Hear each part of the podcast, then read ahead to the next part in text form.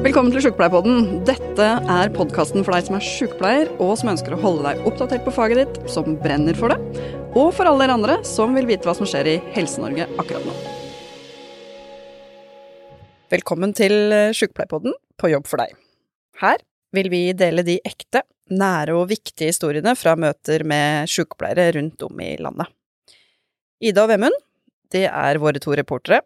De er begge sjukepleiere, og brennende opptatt av både yrket og faget.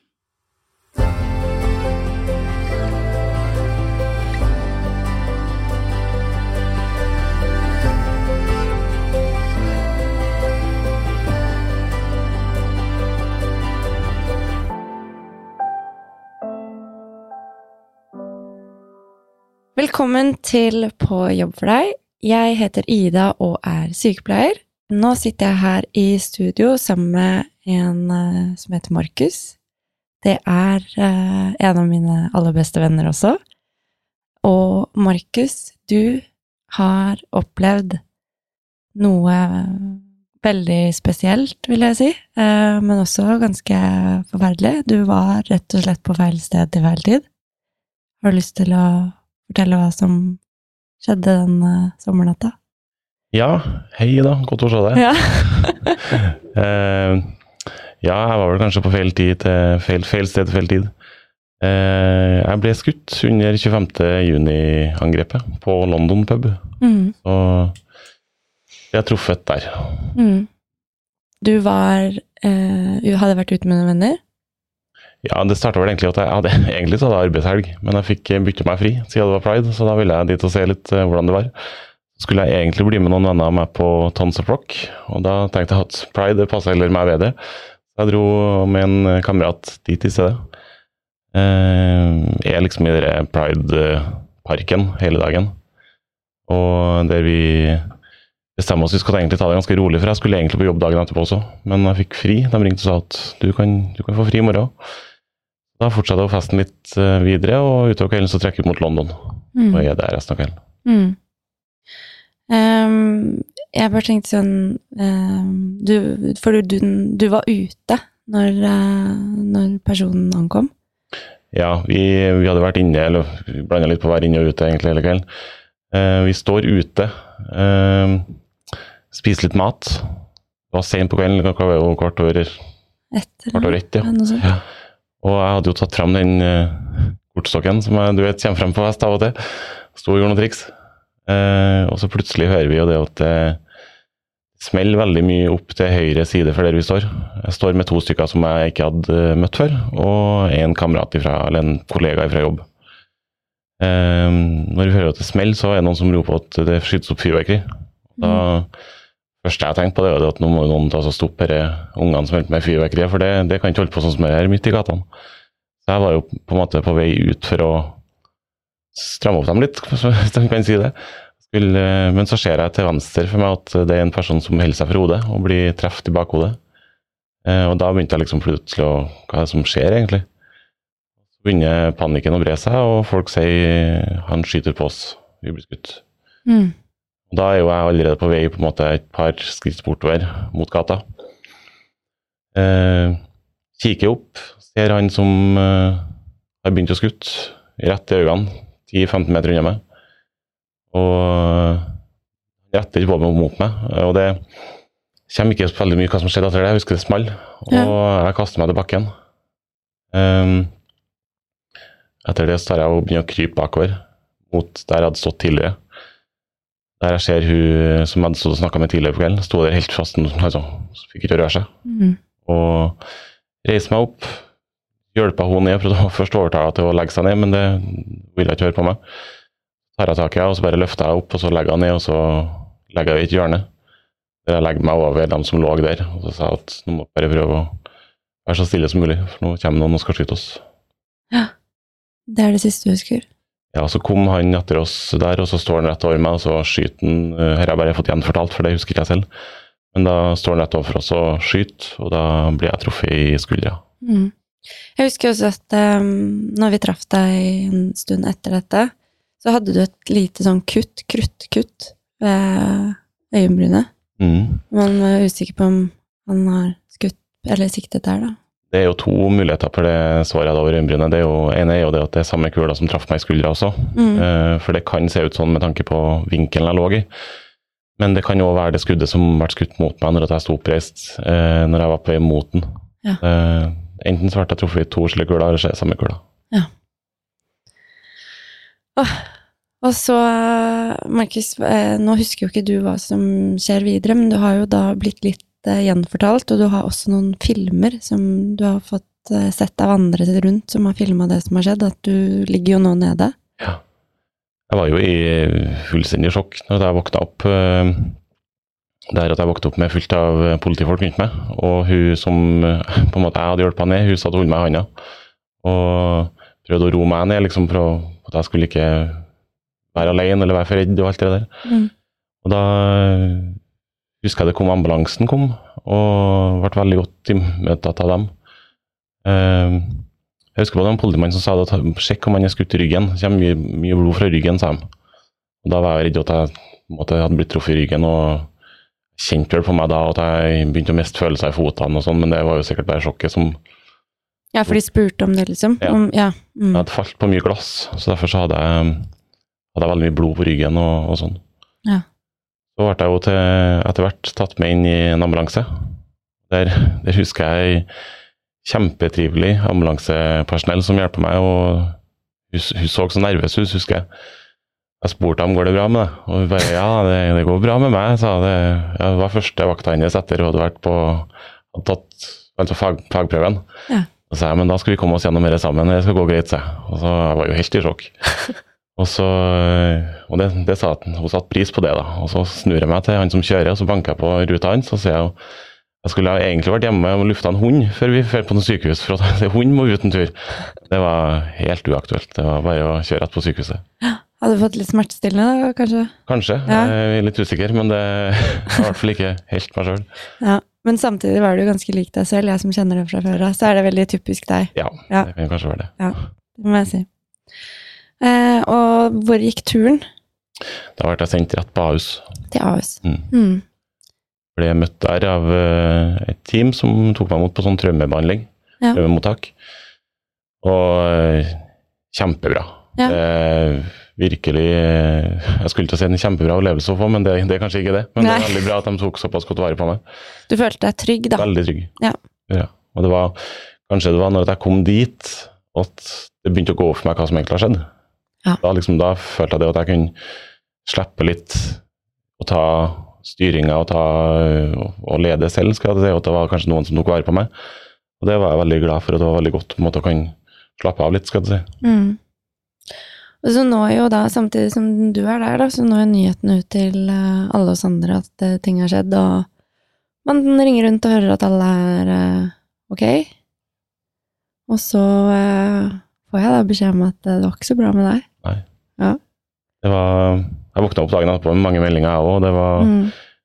flere av de kompisgjengene som hadde sendt sånn Ja, gikk det bra med alle sammen i går, og har alle kommet seg se- velberga hjem? Og da måtte han bare sende melding at nei, det, det har ikke gått så bra med alle sammen. Og da, Mm. da hadde jeg fått telefonen min på, på, et- på, ut på ettermiddagen.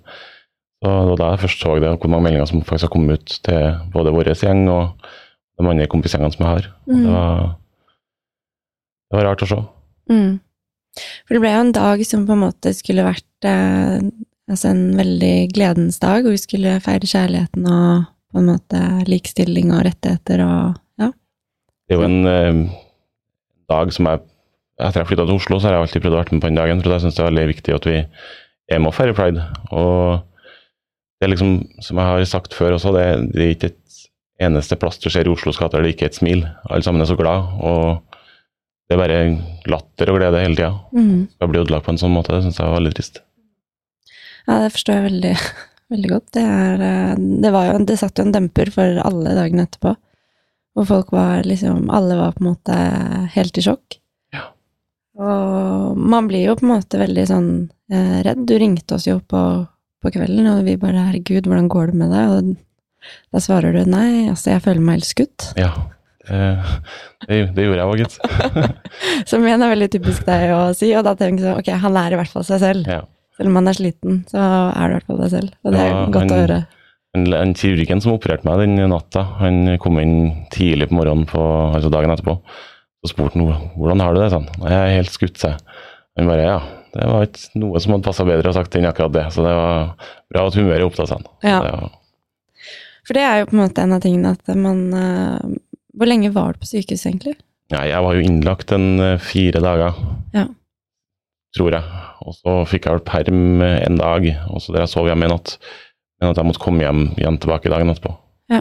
Så ja, fire-fem dager var jeg på sykehuset. Ja. Fikk du noe blod og sånn når det var eh, da du Det er jeg veldig usikker på, faktisk. Ja. du- ja. Jeg har prøvd å undersøke det, for jeg har jo vært og donert blod selv etterpå. Da har jeg jo, og det, det har jeg aldri gjort før, egentlig. Det var litt sånn for å Hvis jeg fikk donert blod når jeg var der, så var det litt for å betale tilbake for det som jeg fikk den 25. juni. Og da, da måtte jeg undersøke litt, men det er sånn som jeg finner ut nå, så tror jeg ikke at jeg gjorde det. Nei. Litt usikker. Ja. Det er sånn man kanskje ikke helt vet. Ja. Uh, og så, hvordan følte du Du sa når du kom inn på sykehuset, så ble det veldig godt ivaretatt. Uh, hvordan var resten av oppholdet de fire dagene? Dem på avdelinga der jeg var, der var det kjempebra. Ja. Det var um, Altså Ble veldig godt mottatt. Mm. var en som heter for Lars, husker jeg kjempegodt, som var sykepleier, som uh, Der gråt jeg mine modige tårer når jeg våkna opp dagen etterpå og bare prata med han. og det var liksom sånn Den følelsen av å høre noen bare hører på deg og liksom vil ta vare på deg, det er en veldig god følelse og en egenskap jeg tror veldig mange sykepleiere har, som er Mm. veldig viktig. Jeg tenker det er liksom det å ha tiden til å sette seg ned og prate med pasienten, og for deg var jo det veldig, Veldig viktig. veldig viktig i den situasjonen du var i da. Nesten like livsviktig som dem som opererte meg på natta, Ja. vil jeg si. Jeg tror det er derfor at det på en måte går såpass bra som det gjør i dag også. At jeg på en måte fikk vært mottatt veldig godt på sykehuset. Ja. Og fikk veldig god støtte av eh, familie og venner i starten. Det var kjempeviktig. Ja, men det er bra. Um, og så ta Hva skjer når du på en måte Du kommer hjem fra sykehuset? Det var litt sånn Jeg husker på den første dagen at jeg var ute på, ut på perm. Det var den mandagen, tror jeg. Eh, og da dro jeg ned i byen, og så skulle jeg kjøpe noe mat. Så og Da var liksom første gangen jeg var utenfor sykehuset og møtte andre folk som De har jo sikkert hørt om det som har skjedd, og, og sånn, men de visste jo ikke hvem som var skutt og, og alt det der. Da bestilte jeg meg mat, og så skal jeg hente den maten. Så spør han som står bak kassa sånn Ja, har vært på fylla i helga, eller? Jeg blir sånn Nei, jeg har egentlig ikke det, liksom. Vært ute og slåss litt, har ikke det? Det ser jo litt sånn mørbanka ut i trynet. og jeg bare Ja, nei, jeg har vært, skutt da, natt til lørdag. Og da, og da, var- da, da først det gikk opp for meg at Oi, dette sier jeg nå til en person som ikke er helsepersonell eller familie eller venner. Han ble, han ble jo like satt ut, han som meg. Det var en sånn merkelig opplevelse å få. Mm. Det var, jeg brukte veldig mye tid på å tenke på det som skjedde i ettertid. Og etter en sånn hendelse skjer, så er det ja, det, er, det er veldig mye rart man går rundt og tenker på. Man, eh, man bruker veldig mye mer tid å tenke på enn hva man egentlig tror. Det Ja. opptar veldig mye av tida si, til og med ni måneder etterpå. Mm. Hva slags tanker er det man på en måte tenker på da? Det har vært uh, alt ifra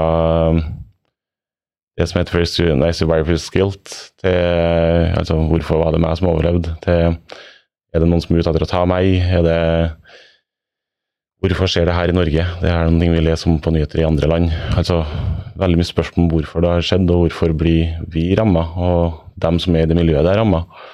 Det, det har vært veldig mye sånn som det Mm. sett veldig ofte han gjerningsmannen har jeg jo enda ikke lært meg navnet på, for jeg har velget å ikke lese så mye om den når det står om han. Men eh, jeg ser jo ansiktet hans sikkert hver dag jeg er ute og går tur.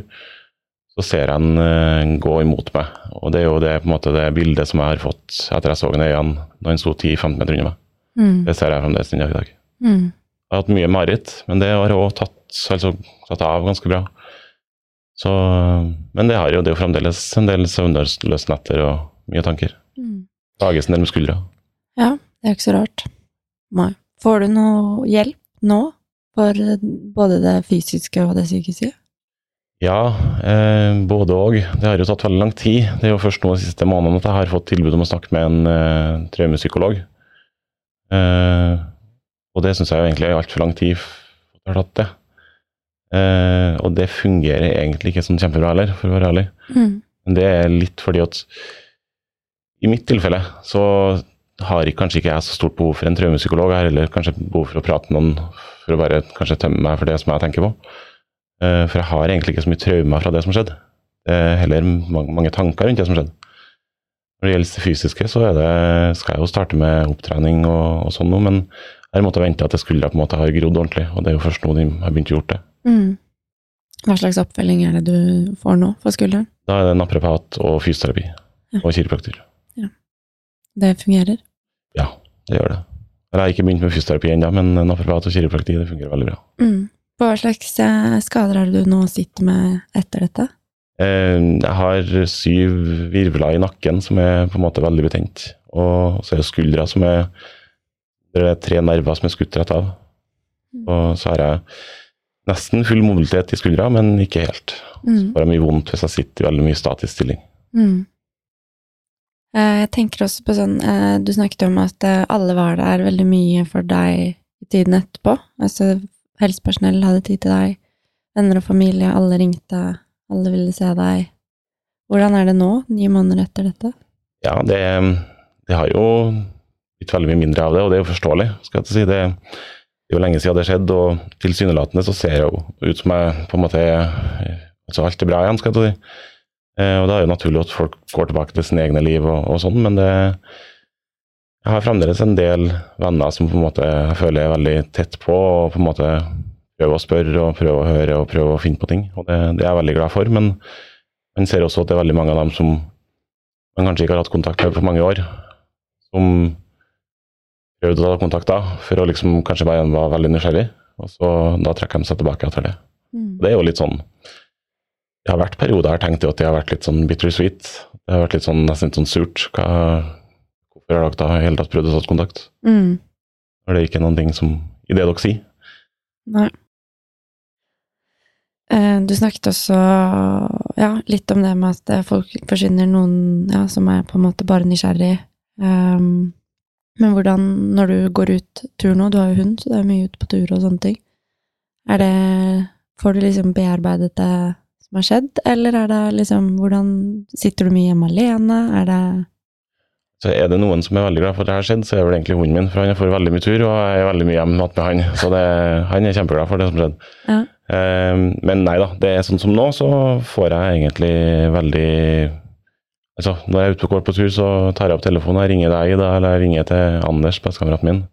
Det snakker mye med dem og dere, og, og da får jeg bearbeide veldig mye. Og det Jeg har fremdeles veldig mange rundt meg som tar vare på meg, og sitter ikke mye hjemme alene og sånn. Det er perioder der at jeg Tidligere var jeg jo veldig impulsiv og ville finne på en ting med en gang. Jeg har kanskje heller blitt mer at jeg tar og setter pris på den dagen som jeg har i dag, i stedet for å planlegge sånn kjempelangt fram i tid. mm, Og da, hvis at muligheten åpner seg, så er jeg med på trilletur, eller jeg er med på går en tur med hund, eller jeg er med på kino, liksom. Det, jeg vil heller bli med på sånne ting i dag enn å planlegge ting fremover. mm. Bare for å hoppe litt tilbake igjen. ehm, hvordan opplevde du Helse-Norge eh, fra sin, sitt ståsted? Du vet, vi fikk vite litt rett etterpå eh, hvordan du opplevde det da, men når du var skrevet ut, da. Ja, jeg kan si det først at uh, når jeg var på innlagt på sykehuset ennå, så fikk jeg beskjed om at jeg skulle ha en samtale med psykolog før jeg ble utskrevet. Um, det var en psykolog som var der på huset. Da hadde jeg, jeg tror det var et kvarter han sa at vi hadde den timen på. Da starta han med å si det at hvis at du har et tilbud en plass, så anbefaler jeg på sterkest å ta det. For vi har ikke tida til å ta oss av så mange pasienter sånn som det er nå. Da ble jeg litt sånn Jeg ble litt skuffa over det, da. Og så ordna jo jobben min med, med psykologtjeneste. Eh, Men der er det jo arbeidspsykologer, og de eh, kan kanskje ikke like mye om det som, det som var aktuelt for meg. Eh, Og da ble jeg òg litt sånn litt skuffa, skal jeg si, da, at det, det, var ikke, det var ikke så veldig bra. Men jeg vil berømme blålysetaten, og så vil jeg berømme sykepleierne og, og dem som jeg var i kontakt med den kvelden det skjedde. Og så har det ettervernet har ikke vært sånn kjempebra. Nei. For det er jo en kjennsak det med at eh, psykisk helse er på en måte Det er jo ganske nedprioritert. Eh, når det er noe fysisk galt med deg, så er det ofte lettere å liksom få hjelp til de praktiske tingene rundt det, men det er liksom det med den følelsen og hvordan hodet skal fungere, for du skal jo også tilbake igjen til et fungerende samfunn senere. Ehm, er du i full jobb nå? Nei, jeg jobber 70% Ja.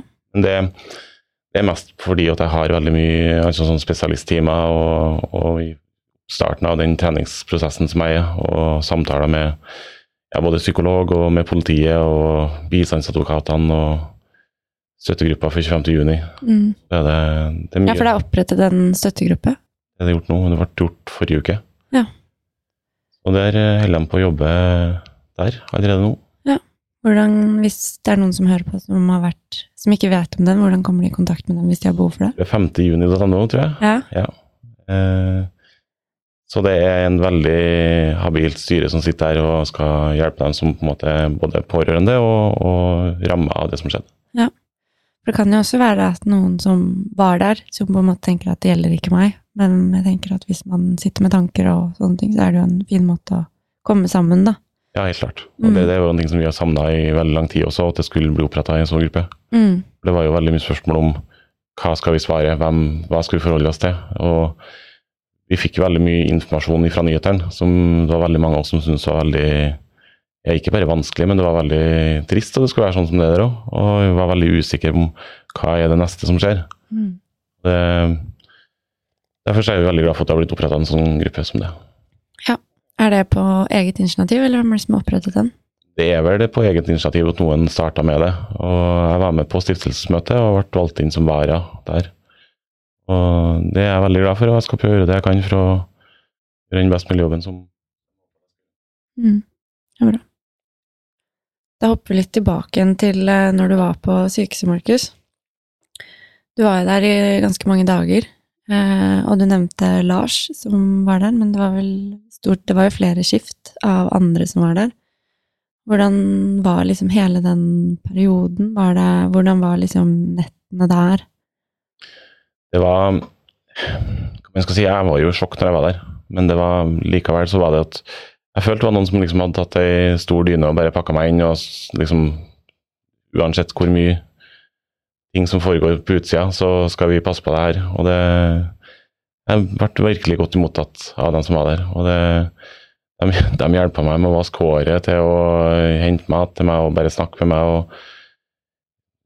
De var rett og slett interessert i å høre hvordan det gikk. Mm. Og om, jeg fikk jo ikke sove så mye om nettene som jeg var der. Eh, Jeg sov veldig sånn periodevis. Da, selv om de på en måte var over vakta si, så var de inne og prata med meg, og det var veldig, veldig godt å være der. Ja. Og det er ikke så lenge siden jeg faktisk jeg var der og ville innom og si hei til dem.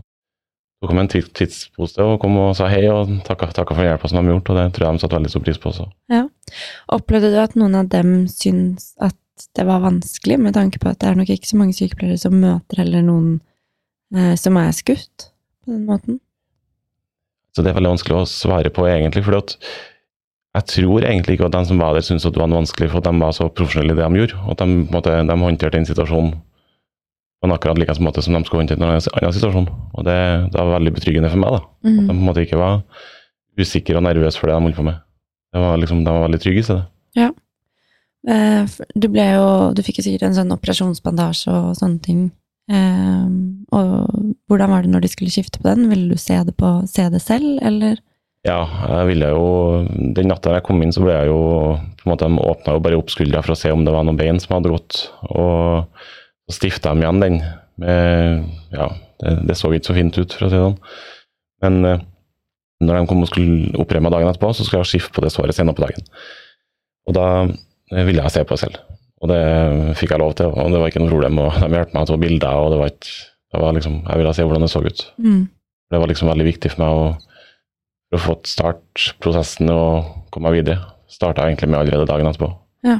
Var det noen som sa at dette burde du gjøre, eller var det noe du tenkte for deg selv at jeg burde gjøre det? De sa det at du må høre på hva du selv vil. Ja. Det er ikke alle sammen som vil se det, det men jeg var veldig, veldig på det at jeg ville se sårene, og jeg ville høre hva som har skjedd, og jeg ville dra tilbake på London og se hvor jeg ble skutt. Ja. Det var veldig viktig for meg. Mm. Det var det jeg gjorde den første dagen jeg kom ut på perm. Var å dra den rett ned dit. Hvordan, hvordan var det? Det var veldig rart. Det var, det var veldig rart, og det var merkelig å se en, så, en plass der at jeg sto og lo for to dager siden, og så er det bare folk som står og gråter nå. Ja. Det var veldig trist. Det er ikke så veldig rart at det var det. Men jeg syns det er veldig modig av deg, da, å tørre å første du gjør når du drar på permisjon, er å dra ned til på en måte åstedet Ja. og se det. Jeg tror det er veldig viktig for meg å gjøre det. det sånn har jo egentlig alltid vært. At jeg liksom vil liksom ikke sette noe på vent. Jeg vil liksom prøve å gjøre noe med en gang, sånn da kommer jeg meg videre. skal jeg si. Mm. Så har jeg hatt en arbeidsplass også, som har vært veldig god, som har tatt imot meg og passa på meg veldig godt. Det setter var veldig stor pris på, rett og slett. Mm. Ehm, jeg vil bare litt tilbake igjen til Jeg vet at ikke du husker så mye, men eh, når du, rett etter du ble skutt og gjerningsmannen blir pågripet, så er det jo før ambulansen og sånt er der, så er det vel noen som hjelper deg før det her. Vet du noe om det? Ja, det var jo eh, blant annet hun som jeg hjalp, noen som jeg la ned i bakken. Mm. eh, og la meg over. Eh, hun lå jo rett bak ryggen min, og hun sier jo det at hun kjente lukta av nyvaska tøy. For at hun lå såpass tett inntil meg. Og så hørte jeg det small, og eller hun så at han skjøt. Og så etter det så var liksom hele skjorta mi var jo fullt av blod. Eh, og det har hun sagt, hun syns nesten det er vanskelig å kjenne inn lukta av nyvaska tøy i ettertid. At det liksom minner, minner om sånne ting. Men hun var der og hjalp meg veldig mye. Og det var jo noen som satt der og prøvde å stoppe blødningene som jeg hadde.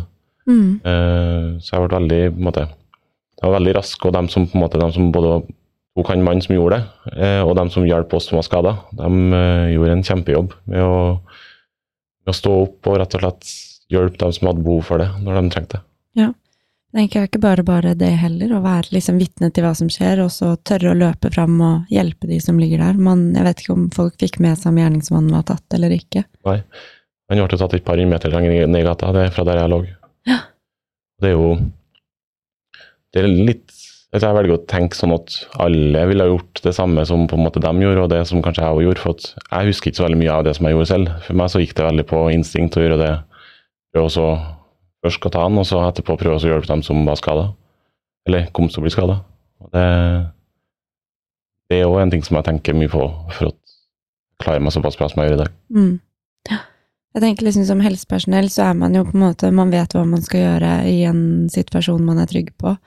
På jobb ofte, da, for det er gjerne der man øver, men eh, det er jo der man kunne reagere når man er vitne til eh, en tragedie utendørs. eh, Hvordan man da skal på en måte bidra og hjelpe andre da også, men eh, det høres ut som veldig mange har, har gjort dette, da. Ved å på en måte hjelpe til å stoppe blødninger og, ja, og hjelpe de som faktisk ble skadet. alle de hjelper, hjelper heter det? Sånn hjelpekurs? Sånn eh, Førstehjelpskurs. Førstehjelpskurs, takk skal du ha. Som blir gjort omkring i Norges land. Det ser ut som det fungerer ganske bra, for det var veldig mange som eh, må hjelpe til med en gang. Og som du sa tidligere, så var det jo en video, jeg har sett to over, over, overvåkningsvideoer av eh, rett etter at jeg ble skutt. Og der eh, man ser at det er flere som er ned og hjelper veldig mange forskjellige folk som ligger der skada, og de gjør jo de gjør jo alt sammen riktig i forhold til hva, hva jeg har lært. Det er jo kjempebra at Mm. folk gjør det. Ja, for det å stoppe en blødning er jo på en måte veldig viktig, og kanskje derfor du, som vi ikke helt vet, da, men slapp å få også blodoverføring. Ja, ikke sant? Mm. For at man var rask på å skulle hjelpe deg. Ja.